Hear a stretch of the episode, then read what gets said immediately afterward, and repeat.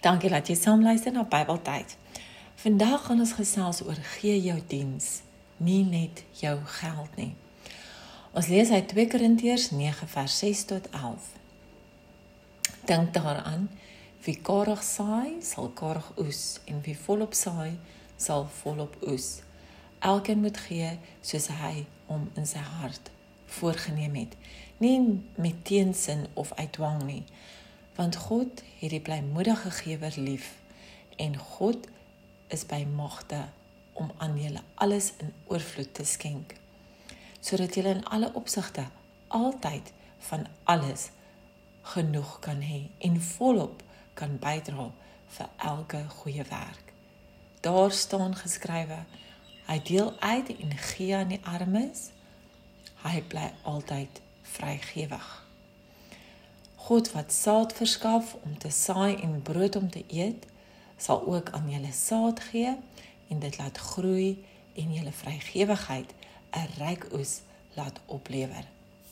Hy maak julle altyd in alles ryk genoeg om by elke geleentheid vrygewig te wees. Wat 'n mooi stukkie uit die Bybel.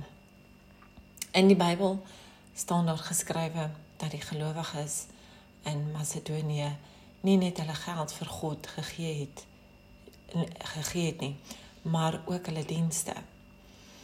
Baie van ons wil graag hê dinge moet na ons kant toe kom, maar ons is nie bereid om oor te gee aan die God nie.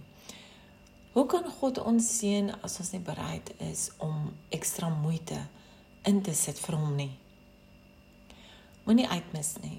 Begin dadelik om voluit te lewe vir die Here. En hier praat ek met myself ook.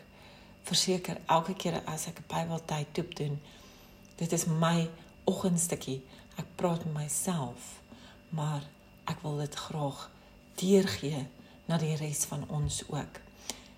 Moenie net eendag vir die Here leef nie. Lewe elke dag in diens van die Here.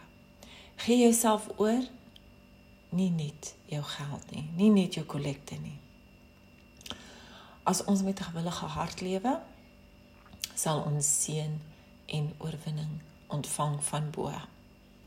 Dankie dat jy saam geluister het. Totsiens.